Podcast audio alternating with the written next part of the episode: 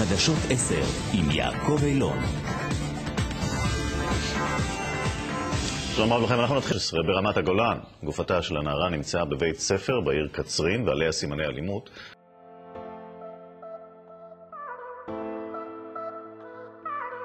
שלום מאזינים יקרים וברוכים הבאים לפשע אמיתי. פשע אמיתי בו אנחנו נתעסק בתיקים הפליליים שבעצם ערערו וטלטלו את מדינת ישראל, בעצם האירועים שקצת קשה לנו להקל, אני מניחה, לא חופית. האמת שכן, ובדיוק היום אנחנו הולכות לדבר על פרק ש... שהפרשה הזאת מסירה אותנו עד עצם היום הזה, עצם זה שבית המשפט חזר מפסיקתו ועכשיו הוא עשה את המשפט משפט חוזר.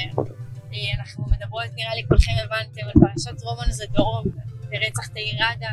הטענה של רומן זדורוב, אתה רוצח או קורבן? מה את אומרת? אני בטח רחוקה מלשפוט, אבל אני מקווה שמה ש... השיחה שלנו היום תשפוך קצת יותר אור על הפרשה. אז בעצם ניתן קצת הקדמה, למי שלא יודע, וכנראה כולכם יודעים, אנחנו מדברים בערך 2006? 2006. 2006, בעצם גופתה של תאיר, ילדה בכיתה ה', נמצאת בשירותי בית הספר. בעצם רומן זדורוב נתפס, אז אזרח אוקראיני צעיר, בשנות ה-20 לחייו. עכשיו אנחנו הולכות לדבר עם מעיין בשני, מומחית לשפת גוף, ואני מקווה שאולי עכשיו אנחנו נוכל לשמוע מהמבט המקצועי שלה, ואנחנו כאן בשביל לסקר את מה שעדיין לא סוכר בתקשורת.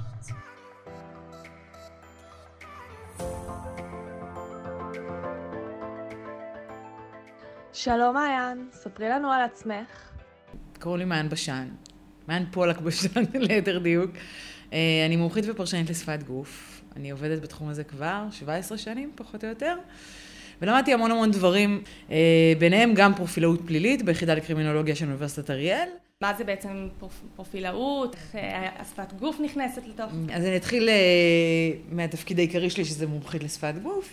בגדול, שפת גוף זה השפה הזאת שאנחנו מדברים אותה ומדברים אותה ומדברים אותה 24/7, 365 ימים בשנה, כל הזמן נונסטופ, גם כשאנחנו ישנים.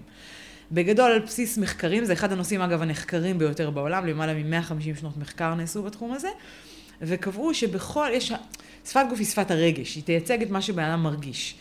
כיאה לנפשו של האדם, אנחנו אנשים מורכבים, ולכן יש המון המון ניואנסים שצריכים לקחת אותם בחשבון. אבל, היה נתון אחד שכל הזמן חזר על עצמו לאורך כל המחקרים, לאורך כל השנים, והוא קובע שבכל תקשורת, זה לא משנה אם זה מול הילדים שלכם, שעדיין אין לכם, אבל יהיו לכם, הבני זוג שלכם, החברים שלכם, המורים שלכם, הבוסים שלכם, בעתיד אולי העובדים שלכם, עיקר המסר בכל תקשורת מועבר על ידי שפת גוף. כשמרצים לכם באוניברסיטה, המרצה שמרצה, אתם לא תזכרו מה הוא אמר לכם, אתם תזכרו איך הוא אמר לכם. אתם תזכרו את הדברים הרלוונטיים שהוא הדגיש בשפת הגוף שלו. בסדר? וייב. זה, אפשר לקרוא לזה וייב, אפשר לקרוא לזה תנועת גוף שמדגישה, יש לנו המון, המון ניואנסים שאנחנו מתייחסים אליהם, וצריך לזכור שמה שקובע בכל תקשורת בין בני אדם, זה לא מה אני אומר, אלא זה איך אני אומר, ומדובר באחוזים מאוד מאוד גבוהים. מדובר בלמעלה מ-90 אחוזים שיושפעו על ידי שפת הגוף, ורק 7 עד 10 אחוזים זה פחות או יותר המלל, בסדר? וזה נתון גורף שעלה בכל, הנת... בכל המחקרים שעשו. ולכן יש להם, זה משמעות מאוד מאוד גדולה. ואיך זה מתבטא ביום-יום? מה שאני עושה ביום-יום שלי, חוץ מלהרצות וללמד אנשים, אני גם עושה עבודה עם פוליטיקאים, מהבכירים במשק, עם שחקנים, עם ידוענים, ואני עובדת איתם על שפת גוף שלהם. מה שיפה בשפת גוף, שיש לה, היא מתחלקת לשני חלקים, מתחלקת למקרו-הבעות ולמיקרו-הבעות. מקרו-הבעות זה הבעות הגדולות שאנחנו עושים במודע, שאין לי מה להסתיר, נעים לי איתכן, נחמד לי. ולכן שפת הגוף שלי שוטפת, היא תייצג את מה שאני מרגישה עכשיו, שבגדול זה נינוחות, לצד מבנה האישיות שלי, מי אני ומה אני. תנועות הידיים שלי הן יחסית סטקטו, זה נקרא בשפת גוף, הן חדות, הן נוקשות באופן יחסי, כי זו אני. בסדר? זה מבנה האישיות שלי, אני בן אדם מאוד חד, מאוד תכליתי, מאוד ענייני, ולכן רואים את זה בשפת הגוף שלי, אוקיי? זה 80% מהמסר. בחלקים האלה אפשר ללמד אחרים, אפשר ללמד את עצמי איך לשפר משמעותית את המסרים שאני מעבירה בשפת גוף. אפשר לייצר כריזמה על ידי לימוד נכון של שפת גוף. אפשר ללמוד איך להדגיש מסרים שהם משמעותיים לי ולא משמעותיים לי וכולי וכולי. ואת זה עושים תחת מטריית ה-80% של המקרו הבאות. יש עוד 20% שזה זליגה מתוך התת מודע שאין לי עליה שליטה. וזה אומר שאם אני יודע לקרוא נכון את הניואנסים האלה של מיקרו הבאות, שזה זליגות מאוד מאוד קטנות של 1 חלקי עשירית השנייה, אבל אם אני מאמנת את המוח שלי לקלוט אותם ולאותת לי ברגע האמת שזה מה שראיתי, אז אני יכולה להבין מי משקר לי, מי לא משקר לי, מה בן אדם שעומד מולי מרגיש, הוא מתרגש, הוא לא מתרגש, ועוד אלף ואחד דברים מעניינים, שהוא עושה מאמצים להסתיר, אבל אני אראה אותם בכל מקרה, אוקיי? וואו, אז אנחנו צריכות לשבת כמו שצריך. כן, אני כולי מודעת. כן, זה קורה לכולם, כולם נכנסים ללחץ, נראה, אבל זה עובר אחרי כמה דקות. אה, זה החלק של השפת גוף, וזה חלק מאוד מאוד מעניין, ובעיניי הוא חובה, באמת, הוא חובה, כי אם אתה לומד, לומד אותו כמו שצריך, אז החיים שלך פשוט קלים יותר. זהו, עכשיו נחזור רגע לפרופילאות הפלילית. בפרופילאות הפלילית, פרופילאות פלילית בגדול, אם אני אנסה לנסח את זה במשפט אחד, זה ללכת אה, ולזהות ולראות ולקרוא ממצאים מתוך זירת פשע, לשקלל אותם, בכל מיני חישובים ותיאוריות כאלה וכאלה, ומתוך הממצאים הפורנזיים בשטח, לבנות פרופיל פסיכולוגי לפושע פוטנציאלי. בסדר? זה אומר שמתוך הזירה אני יכולה ללמוד המון המון על, על מה היה שם, מי היה שם ועוד אלף ואחד דברים אחרים, על בסיס ממצאים פורנזיים שיש לי שנמצאו בזירה ודפוסים מסוימים שנמצאו בזירה. ואז בעצם לבנות פרופיל פסיכולוגי אה, לפושע פוטנציאלי או לפושעים פוטנציאליים. הולמס. אה, משהו כזה. בסדר, עכשיו ברור לכם שבשילוב של שפת גוף זה יכול, זה, זה, זה מתכון מנצח, כי זה... אז זה רק פשע. איך בעצם קרה בין החיבור שלך לבין אה, פרשת רומן זדורוב? במסגרת לימודי הפרופילאות, אה, אחד, ה... אחד הקורסים זה היה על ממצאים בתוך זירה, והגיע חוקר לשעבר במשטרת ישראל, שהוא חלק מצוות החקירה, מצוות המרצים ב... אמ, בפרופילאות הפלילית, והוא הראה קטעים מתוך החקירות הראשונות של רומן זדורוב. עכשיו, אני יושבת שם בשיעור, וכתלמידה, כסטודנטית, אני רואה את הקטעים, והוא בא ואומר שהנה רומן זדורוב אשם, והנה הוא אה, עשו ככה ועשו ככה, ומנסה להראות את זה, ואני מסתכלת, ואני אומרת, לא, לא, לא עובד, משהו שם לא עובד. אני רואה את השפת גוף שלו, והיא לא הולמת בשום צורה, בשום צורה, אבל שפת גוף של בן אדם שאשם. ככה לא מתנהג בן אדם אשם, נקודה. אוקיי? בשום צורה. ככה לא מתנהג בן אדם שמשקר, בשום צורה. משהו שם לא התחבר לי, והתפרץ סוג של ויכוח ביני לבין אותו אה, חוקר, שהיה לא נחוש בד... שפת הגוף שלו לא, לא הסתדרה לי והתפתח סוג של ויכוח ביני לבין אותו מרצה, וגם אז אגב זה עדיין לא זעזע אותי מספיק כדי לבוא ולחקור את הרצח הזה לעומק. כשסיימתי את הלימודים, אחרי איזה שנה, כאילו, אה, שהסתיימו הלימודים. אה, עברתי יישוב, לגור ביישוב אחר לתקופה של שנה וחצי, והכרתי שם בחורה שהיא קרימינולוגית קלינית במקצוע, ומכיוון שאני אה, מומחית לשפת גוף, אחד הדברים שתמיד ישאלו אותי, תמיד, תמיד, תמיד, מה אני אומרת על הרצח של, על רומן זדור ועל הרצח של תירדה. זה תמיד. לא משנה איפה אני נמצאת, אפילו כשהייתי בטור הרצאות בארצות הברית, זה מה ששאלו אותי. כאילו זה קטע הזוי. ו... והיא קרימינולוגית קלינית, והיא קראה את כל הכרעות הדין מתוך עניין אישי שלה, בסדר? היא הייתה מאלה שנסחפו מהקבוצות האלה וזה וזה. והתפתח גם מולה סוג של ויכוח, אבל שם, של ויכוח, רק ששם זה היה ממש ויכוח עד כמעט זוב דם, אני מודה, זה היה ממש כאילו, התפוצצנו אחת על השנייה, והיא אמרה, מה פתאום, הוא אשם, אני אמרתי, מה פתאום, זה לא יכול להיות, פתאתי את ואז כשחזרנו הביתה, אני אומרת לבעל שלי, לטל, אני אומרת לו, תגיד, אני כזאת מטומטמת, איך אני בכלל מעיזה להתווכח בכזה חירוף נפש בלי לדעת את הפרטים באמת? כולה ראיתי כמה סרטונים מהחקירות הראשונות שלו, ואז מה שקרה לי זה שאני בן אדם נורא נורא סקרן, כאילו, ואם אני נכנסת למשהו, אללה יוסטור, כאילו אי אפשר, זה באמת, אני, אני שם דוך בפנים, ובמשך שנתיים פלוס, לא היה לי לא שישי שבת ולא ערבים. זאת אומרת, ישבתי ופשוט קראתי את כל העדויות בתיק הזה. נפגשתי עם כל האנשים הרלוונטיים. החל מדוקטור חן קוגל, ראש המכון לרפואה המשפטית, אה, אימא של תאיר ראדה, חברות של תאיר ראדה, אה, פגשתי את רומן זדורוב בכלא מספר פעמים, העברתי לו אה, אבחונים קרימינולוגיים, שלא אני ניתחת כי אני לא קרימינולוגית, אבל, אבל נתתי לאנשים שינתחו את הממצאים.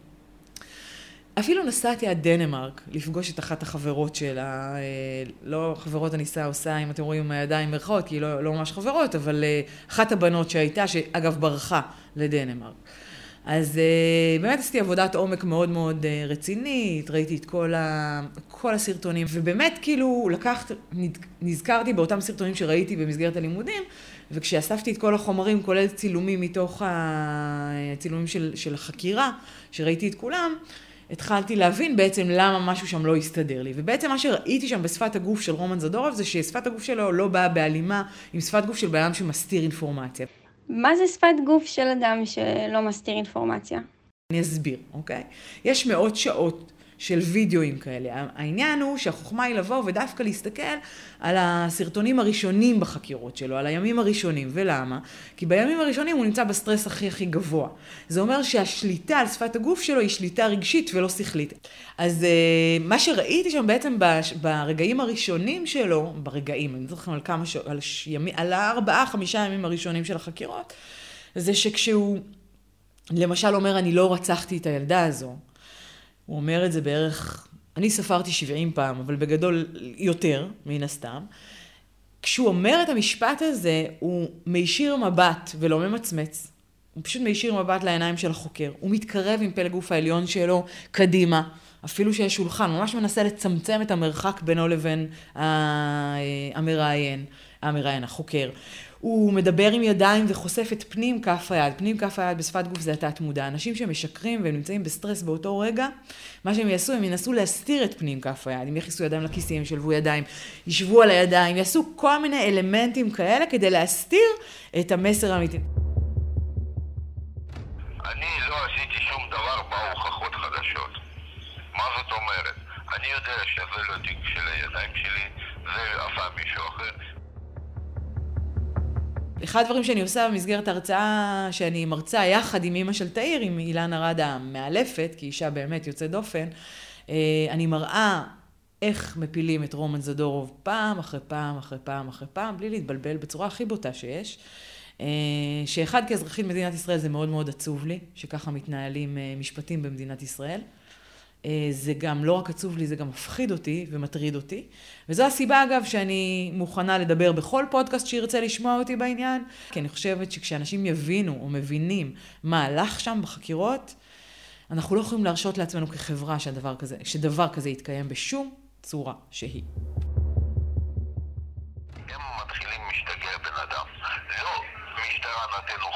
בן אדם. לא אה, אשם. אתה חייב לתת הוכחות שאתה לא אשם. והם מתחילים אה, לשבור אותך בכל הפינות. הם עושים תרגילים, חבל על הזמן. מה הלך שם אוקיי. בחקירות? כאילו, מה זיהית שהדליק לך את הנורה האדומה הזאתי? אני אתן לכם דוגמה. הדבר הראשון למשל שנתקלתי, כש, כשהתחלתי לחקור ולקרוא את כל הזה, דבר ראשון נגיד שהדליק לי נורה אדומה, וזה היה מאוד כאילו מין כזה בבאם, תחשבו כאילו אתה מגלה איזה זה. אה, ראיתי את הודעת המשטרה בתקשורת. Okay? המשטרה הוציאה הודעה בתקשורת, בערוצי התקשורת המרכזיים, בערוץ 1 ו-2 דאז, אה, הודעה שהיא מצאה את הרוצח הפוטנציאלי ששחזר והודה, הם אומרים ששחזר והודה, שהוא רצח את תאיר ראדה. זאת אומרת, לא רק הודה, אלא גם שחזר את כל הרגעים והשלבים. בסדר? עכשיו, אתה רואה, ההודעה ניתנה ב... בחדשות, בשעה שמונה ועשרים, בסדר? שמונה ועשרים בערב. ההודעה הרשמית של ההודעה הרשמית של המשטרה, על ידי מפכ"ל המשטרה, נעשתה בשעה שמונה ועשרים בערב. ואז אני פותחת את הסרטונים של השחזור. שסרטונים, סרטוני משטרה מצולמים, ובכלל סרטונים שמצלמים לטובת חקירות וכולי, חייב להיות שעה ותאריך. בסדר? שיש על גבי המצלמה. ומה אני רואה? שהשעה של השחזור, תחילת השחזור, אוקיי? הייתה בשעה 9.36. לא, סליחה, הוא סליחה, הוא הסתיים ב-9.36, אוקיי? השחזור הסתיים ב-9.36. זה אומר שהשחזור הסתיים רק משהו כמו שעה פלוס אחרי שהם כבר נתנו את ההודעה במשטרה. עכשיו, אתם צריכים להבין איך תהליכים כאלה עובדים. כשאתה, כשהמשטרה לוקחת חשוד פוטנציאלי ונותנת לו לשחזר, בסדר? היא צריכה לבדוק ולאמת את הממצאים האלה עם מה שהיא מצאה בזירה, עם העדויות שהיא לקחה. זאת אומרת, יש פה עבודת, עבודת עומק שחייבים לעשות עוד לפני שהיא יוצאת בהצהרות אה, חגיגיות. כי אחרת, אם אין פה התאמה, אז יש פה בעיה, נכון? זה לא מקצועי. לא מתנהלים ככה. אז מבחינתי, המשטרה עוד לא סיימה את השחזור. שעה ורבע או שעה ושש עשרה דקות, אם אנחנו נדייק, הם כבר יצאו להודיע לתק... ל... ל... לכל עם ישראל שהם תפסו את הרוצח ששחזר והודה. מתי הם התחילו את השחזור? זה לא משנה. למה לא? כי תחשבי, מהצהריים, ואז... עדיין, עדיין, אתה, אתה צריך לעשות את השחזור, ואז לעבור על כל השחזור, ולראות שהפרטים תואמים. הרי יכול להיות שהוא אומר דברים בשחזור, אבל זה לא תואם עדויות ולא תואם, תואם ממצאים שהם מצאו. הם היו צריכים לעשות עבודת עומק, לבדוק, להטעין טטיטטה, וכראוי הם היו צריכים למשל להודיע על זה שהם מצאו את הרוצח הפוטנציאלי ששחזר ועודה, נניח יומיים שלושה, הם ממש ישבו על זה בטירוף. כי חייבים לעשות התאמה של האינפורמציה, אתה לא יכול, כאילו, ואם זה לא נכון, ואם בן אדם ממציא, ואם אלף ואחד דברים, וזה אגב בדיוק מה שקרה. נתקלתי תוך כדי חקירות בשם משה יינן. אמרתי, טוב, מה, מה זה, מה, מי זה משה יינן? מצאתי איזו מודעה קטנה בוויינט על רצח שהתבצע שמונה חודשים, לפי התאריך, אחרי הרצח של תאירדה, בקצרין. אה, לא על רצח, על, על אה, אה, משה, בחור בשם משה יינן, שמת בקצרין, משהו כאילו מעורפל כזה, התאבד, מת, לא, לא ברור כאילו מה כתוב, לא, לא, ברור מה, לא ברור המוות. משהו פה לא הסתדר לי, התחלתי לחקור. שואלת אנשים, דופקת על דלתות, מבררת, קודם כל, כל מי ששומע את זה הופך להיות לבן, לא מוכן לשתף איתי פעולה, טוב, מברר, מבררת, שואלת את אילנה. מפה לשם, אחרי ברורים מאוד עמוקים, אני מבינה שמשה עינן היה מדריך נוער בקצרין. שלא היה רגוע בעניין זה שהטילו את האשמה על רומן זדורוב, משה עינן היה גם רוסי, הוא היה מין, הוא היה מין כזה מדריך נוער, אבל כזה שכולם באו להתייעץ, הוא היה כאילו מין האבא הגדול של החבר'ה בקצרין, זאת אומרת, הוא היה איש מאוד משמעותי עבור הנוער. ו... והבנתי מכל מיני תשאולים שעשיתי שהוא לא היה רגוע, והוא אמר לא הגיוני, אולי כי אחוות עדה, לא יודעת, רוסים ורוסי ורוסי, אולי כי הוא הרגיש שנעשה חוסר צדק או עוול, כמו הרבה מאוד אנשים אחרים.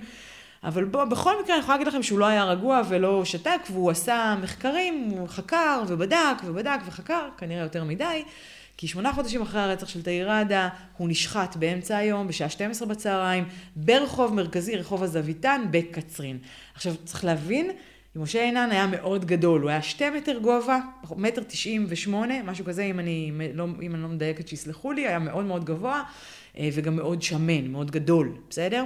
מישהו תקף אותו מאחורה, שיסף את גרונו, הוא, אספו אותו לבית חולים, הוא שכב בבית חולים חמישה ימים ומת מפצעיו, בסופו של דבר. איך זה אפשרי? שעת הצהריים, 12... תעזבי, את יודעת מה מזעזע? כנראה שלא, לא ראו, לא יודעת, היו שם איזה, לא, לא... אני לא נתקלתי באנשים שהיו שם וראו את זה, אני יודעת שאנשים מהר מאוד הגיעו, היה, זאת אומרת, היה, הוא, כי, כי הצליחו, לה, זאת אומרת, החזיקו אותו חמישה ימים בחיים, זה אומר שזה קרה ומישהו ישר הזמין אמבולנס. אני גם יודעת על זוג חברים שישבו לצידו בבית החולים והם מסרבים להודות בזה. כשאני פניתי להם וכשאילנה פנתה אליהם הם אמרו, מה פתאום, אנחנו לא יודעים מי זה, אנחנו לא ישבנו לידו. למרות שידוע, כי יש דיווחים מתוך, ה, מתוך חיות ורופאים בבית, בבית החולים שאומרים שהם ישבו שם. אבל הם נמנעים מפחד מאיזושהי סיבה, שזה מסתדר לי אגב עם כל השאר. מה שמדהים בכל הסיפור הזה, למה אני כאילו כל כך מוקסמת, מוקסמת במרכאות כמובן, זה שיצא לי להתקל בתיק, בתיק, בתיק הרצח של משה עינן. ואני מזכירה לכם שבכתבה היה כתוב שהוא כנראה התאבד, בסדר? ואני אומרת, אוקיי, הבן אדם נשחט באמצע יום מרכזי, ראיתי בתיק, בתיק הרפואי, שיש לו סימני חיתוך בידיים. זה נקרא פצעי הגנה, אגב, בשפת, בפרופילות. זאת אומרת, אנחנו מתייחסים לזה שבן אדם, וזה הגיוני גם, נכון? מישהו בא לשחוט אותו מאחור, הוא עשה מאמץ אה, להתגונן, נכון? ואז נחתכו לו הידיים, כי הוא כנראה תפס את הסכין בצורה כזו, או ניסה לזה, ונחתכו לו אצבעות. יש לו, זה נקרא פצעי הגנה. אחלה. למה זה כל כך מטורף ומדהים? כי המשטרה סגרה את התיק הזה על התאבדות, והוציאה צו איסור פרסום גורף עד עצם היום הזה. שזה מה שמדהים בכל הסיפור. זאת אומרת, הכתבה הקטנטנה קטנטנה הזאת שראיתי, שהייתה מאוד מעורפלת ולא ברורה, ואתה לא תמצ... תנסו לחפש, בת... אתם לא תמצאו שום אינפורמציה על התיק הזה, בשום צורה. וואו. הוא כנראה חקר יותר מדי, הגיע לאנשים הנכונים, ושחטו אותו באותה שיטה. אוקיי? יש לך עוד איזשהו נתון שמצאת במהלך המחקר שעשית, החקירה המעמיקה הזאת, שהיית צריכה את המומחיות שלך בתור שפת גוף? כן, ודאי. זה התחיל מזה שהרי ראיתי את השפת גוף של רומן זדורוב בחקירות, וזה לא התחבר לי, ומשם התחיל כל הטירוף. אבל לאורך כל הדרך גם בחנתי את שפת הגוף של, של הסובבים, של האנשים מסביב, אה, של החברות. אה, בחנתי שפת גוף של חברות שהתראיינו לתקשורת, אה, החל משי מיקה ועוד כל מיני שמות כאלה ואחרים. בסרטון השחזור המשטרתי הזה, שי מיקה יפרח, רק בת 14, משחזרת את הרגעים האחרונים של תאיר רדה, חברתה הטובה. היא הייתה האחרונה שראתה אותה בחיים. יש תאיר, אנחנו פה, אני ישבתי פה, תאיר ישבה לידי, ופה ישב ילד, והיא שמה עליי ראש.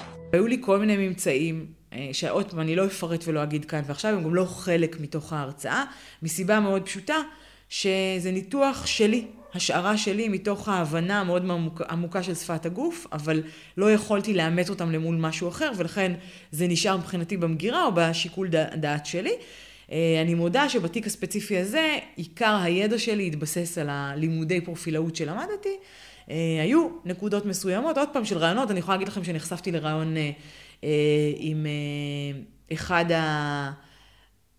האנשים, שאני לא, לא אגיד את שמו, אבל אחד האנשים שיש איזה חשד לגביו בצורה כזו או אחרת, וגיליתי שפת גוף של בן אדם פסיכופת. שלחלוטין מתיישב לי אה, עם הרצח הזה. מה זה אומר שפת גוף של פסיכופת? שפת הגוף של פסיכופתים, מבחינת הניואנסים שלה, היא, צריך להבין ש... זוכרות שדיברנו על מיקרו-הבעות, אוקיי? מיקרו-הבעות הן זליגה של מיני מיני מיני הבעות קטנטנות שזולגות מתת המודע, אין לי עליהן שליטה, והם יספרו לי מה באמת באמת בן אדם מרגיש, אוקיי? ייתנו לי בעצם מצג אמיתי של הרגש הפנימי שחווה אותו בן אדם שנמצא מולי. מיקרו-הבעות יבואו לידי ביטוי במיק... במימיקת הפנים, העיניים והידיים, אוקיי? בדרך כלל. זה יכול לבוא גם ברגליים, אבל בעיקר, בעיקר אנחנו נמצא את זה באזורי הפנים.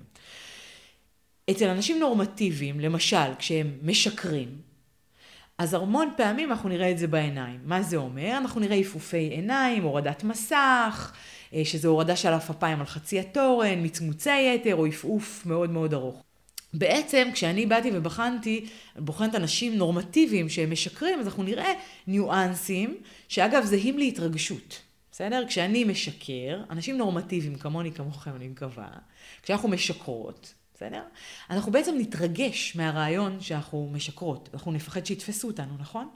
ומה שאנחנו רואים בשפת הגוף, אין ניואנסים שהם ספציפיים, פיזיולוגיים שהם ספציפיים לשקר.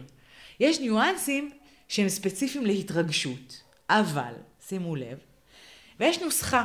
הנוסחה הזו אומרת שאם אני מדברת עם בן אדם וזולגות לו בין שתיים לשלוש, או איזשהו אשכול שלם של ניואנסים שקשורים להתרגשות ביחד, בצורה מסוימת, בסתירה למסר המילולי, למה שבן אדם אומר, זה אומר שיש לנו שקר.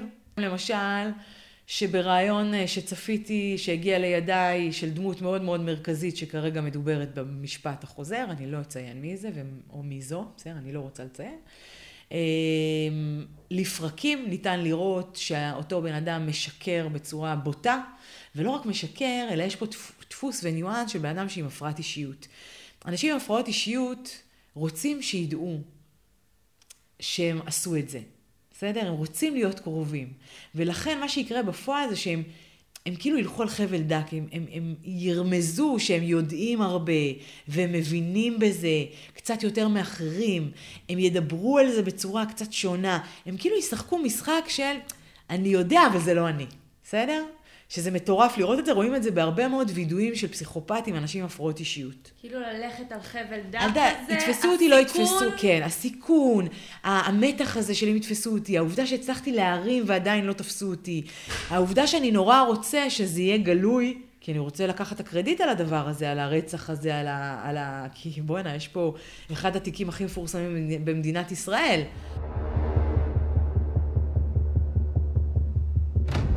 חשוב לי להדגיש ולהגיד שאני לא חושבת שזה היה רצח של בן אדם אחד. אני לא חושבת שהשתתפו ברצח הזה, השתתף בן אדם אחד. אני חושבת שזה רצח ש... אני קודם כל חושבת שלא תכננו לרצוח אותה. אוקיי? אני... אני... זה מסקנה זה, זה השערה שלי, יכול להיות שאני טועה. אני יכולה, קודם כל כדי להבין בקרימינולוגיה, אתה חייב להבין את הרקע, בסדר? כדי לקבוע התנהלויות והתנהגויות מסוימות אצל פושעים פוטנציאליים, או בחברה, או בקרב ילדים, אוקיי? אז קודם כל צריך להבין שהרקע של בית ספר נופי גולן היה מאוד מאוד בעייתי.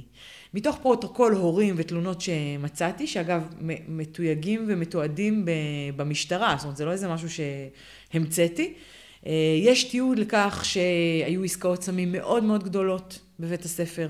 נמצא קילו הרואין חודש לפני הרצח של תאיר ראדה, אה, עסקה שנעשתה מאחורי, מאחורי מגרש הכדורסל, כולם ידעו שמאחורי מגרש הכדורסל יש עסקאות סמים גדולות. שתבינו, אנחנו לא מדברים על גראס, על חשיש, אנחנו מדברים על הרואין, בסדר?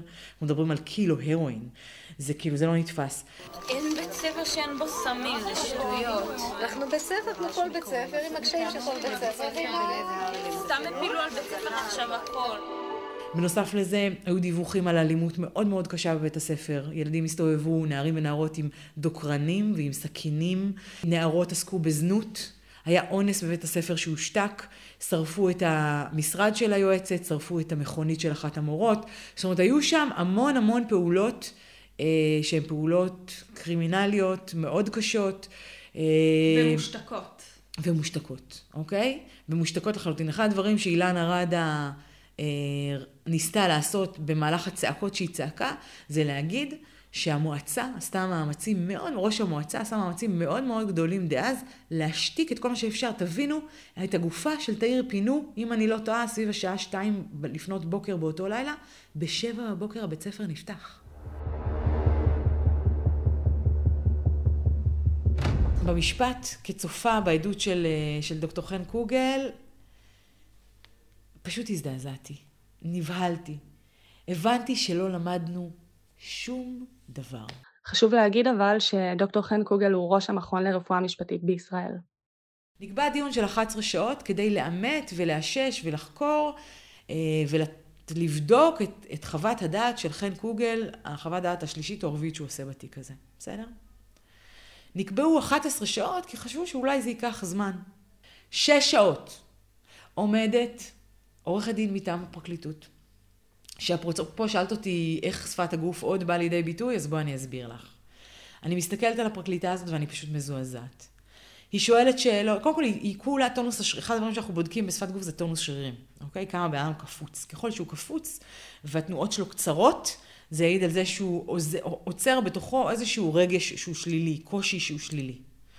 עורכת הדין עומדת שם וצועקת על דוקטור חן קוגל, עצבנית, טונוס השרירים שלה מאוד מאוד גבוה, אה, לא מישירה מבט, שואלת אותו שאלה ולא מסתכלת עליו, מסתכלת על החברים שלה, על הצי הפרקליטים שהגיעו מהפרקליטות, אני נותנת לכם צי של חמישה-שישה עורכי דין. היא שואלת שאלות את דוקטור חן קוגל בעצבים, בלחץ, טון הדיבור שלה מאוד גבוה, היא מגמגמת, היא צועקת, היא, היא כאילו לא ברורה, הכל כאילו, אתה ממש מזהה שהיא נמצאת בסטרס מאוד מאוד גדול. ברגע שפעם אחת המכון לרפואה משפטית נותן חוות דעת שאיננה מוצאת חן בעיני התביעה ומפריעה לה לאיזה תזה, באותו רגע המכון לרפואה משפטית הופך להיות ללא אמין ולא מקצועי ושקרן, הדבר הזה לא יכול לעבור לסדר היום, זה דבר שאני כמנהל המכון לא יכול לעבור עליו לשתיקה ואני מתכונן להמשיך לפעול בעניין הזה, זה שערורייה. עם כל מה שעכשיו אה, דיברת והצגת לנו, את פנית לגורמי האכיפה ו... אני הצעתי לגורמי האכיפה את כל הידע שיש לי, אה, אבל אה, כשגורמי האכיפה לא רוצים לדעת, אז הם, לא, יש להם אינטרס, והוא צריך להבין שבתיק הזה זה לא רק פשיעה במרכאות של, של חוקרים שהם מושחתים, יש פה מפקדי משטרה מושחתים, ושופטים מושחתים, ופרקליטות מושחתת. יש פה הרבה מאוד אנשים שמעורבים בכל הדבר הזה, שנתנו יד. חושבת שהצדק יעשה? כן, לא. אני רוצה להגיד הלוואי, אבל אני חושבת שגם אם ישחררו אותו, אה, ייתנו שחרור כזה, כי הוא ריצה כבר 15 שנה, לא יזכו אותו לדעתי במאת האחוזים, כי אז המון אנשים יצטרכו לשלם מחיר, כולל המדינה תצטרך לשלם מחיר כספי מאוד מאוד גדול, הבן אדם, תבינו, ישב 15 שנים בכלא, בואו. אה, וכאילו יש בי חלק שנורא רוצה שישחררו אותו, אבל יש בי חלק גם לא, ואני אגיד לכם גם למה. אני רוצה שישחררו אותו, כי אני חושבת שנעשה עוול לבן אדם חף מפשע. אני בזה מוכרחה לשים את, את הקריירה שלי, את השם שלי ואת ה... באמת, כאילו, את כל הפרסטיז'ה שלי במקום הזה. אני לא רוצה שישחררו אותו, כי אני חושבת שאם ישחררו אותו, אז התיק הזה, כל הרעש הציבורי יירגע, ואף אחד לא יטרח לחפש את הרוצחים האמיתיים. ואז לא עשינו עם זה כלום ושום דבר. מעיין בשן, תודה רבה לך. בכיף, בשמחה רבה רבה. היה מרתק. תודה רבה רבה.